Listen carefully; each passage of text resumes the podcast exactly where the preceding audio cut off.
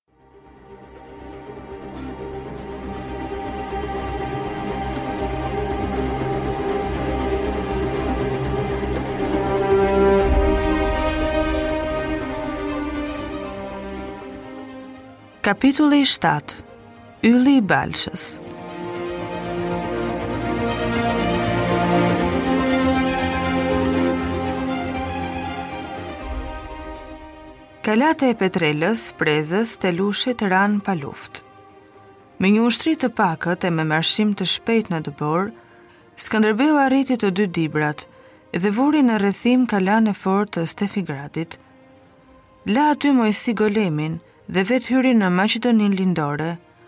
Bëri plaçkë, mori kope bagëtish për ushqimin e ushtrisë dhe u kthye po aq shpejt. Ishte bërë zot i principatës së të atit, duke i shtuar asaj edhe Krujën. Nga Shkumbini deri në Drin, s'kishte mbetur këmbë turku. Në Krujë vinin radhas kalorës e zotër të krahinave të afërta e të largëta, të shikonin ç'të bëhej e të uronin Skënderbeun. Aty arriti në fushë afër Kasharit dhe ngriti aty kampin ku do të mblidhej e stërvitej ushtria. Po thërriste popullin në një luftë që do të kërkonte tërë jetën e tij kundër një armiku që nuk i falte kryengritjet dhe të cilit ia njihte fuqitë. Populli e përkrahte luftën.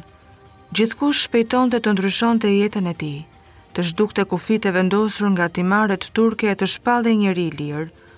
Por si kaluan javët e para filluan të përhapen zëra për një kthim të mundshëm të turkut që nuk e nxjerr nga mendja atë që ka patur e ia ka provuar shijen.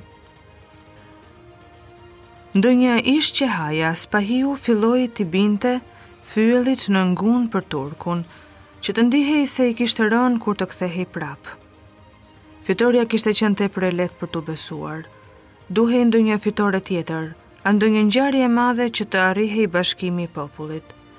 Skënderbeu i festoi Krishtlindjet në Krujë. Hamzai u pagëzua i krishterë duke ruajtur të njëjtin emër. Pagëzimi i Skënderbeut quhej tashmë i kryer. Ai i vuri flamurit të Kastriotëve yllin e bardhë të Balshës dhe porositi vulën në Raguzë. Përkrenares i ngjiti brirët e fortë të cjapit që i kishte mbajtur Pirroja në helmetë. Dorezën e shpatës e zbukuroi me kokën e një rosaku të egër që i prin luftës. Me këto emblema, e sidomos me yllin e Balshës, ai po tregonte çiltas, synimin e tij për bashkimin e gjithë viseve ku flitej gjuha shqipe, si forca që do t'i bënte ballë turkut. Ndërsa punonte për këtë bashkim, ai kishte thirrur të rinjtë e Krujës e të Matit nën shërbim të përhershëm ushtarak, dy mijë veta, dhe nisi stërvitjen e tyre poshtë në fushë. Ishin të vrullshëm. Të gatshëm të gjakoseshin, por shumë prej tyre qëndronin në kuaj si fshatarë dhe e përdornin shpatën si kopaçe. Në pak kohë, Mësuan të bëhen një me kalin e me shpatën, me vetëbesim e egërsi të shtuar. Kjo gardë e Skënderbeut, do të bëhej në pak muaj, një repart i pashembullt i kalorësisë së lehtë, që do të godiste pa mëshirë në befasi dhe po kështu do të zhdukej. Skënderbeu kalonte ditë të tëra në stërvitje.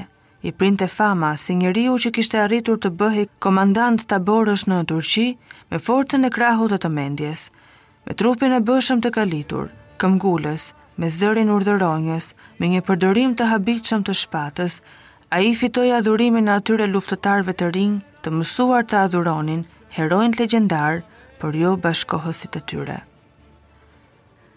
Arriti Kont Uran Altisferi, i quajtur shkurt Vrana Konti, mik i Skënderbeut, Kishte shërbyer si oficer i lartë në ushtrinë e mbretit të Napolit dhe vrapoi në Krujë porsa dëgjoi për kryengritjen.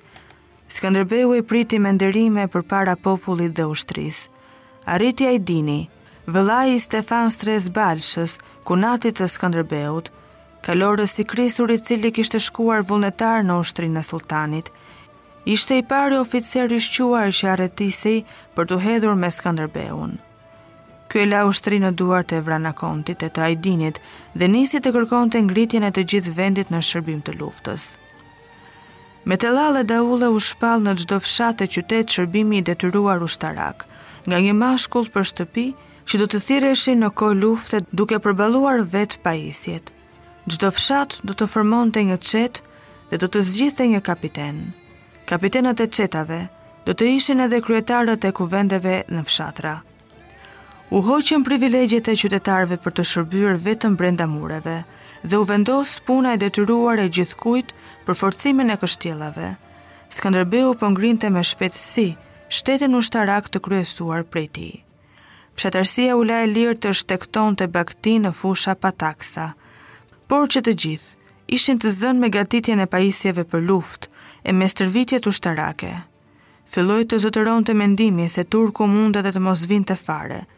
Gjithsesi, Turku nuk do të vihej në marshim në dimër. Kjo gjendje i jepte dorë Skënderbeut të shtrihej edhe në fshatrat më të largët. Gjithkush duhet të bëhej pjesëtar pa lënë asnjeri më njanë. U kthyen Stanishi dhe Hamzai nga vizitat te prijësit e Arbërisë.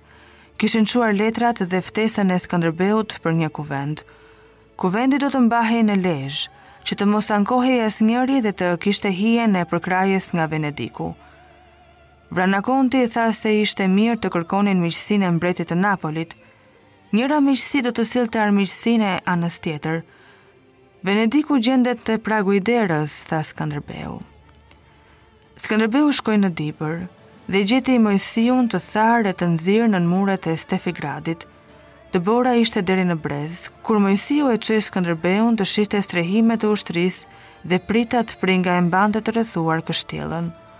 Burrat e të dyja Dibrave ishin nën armë.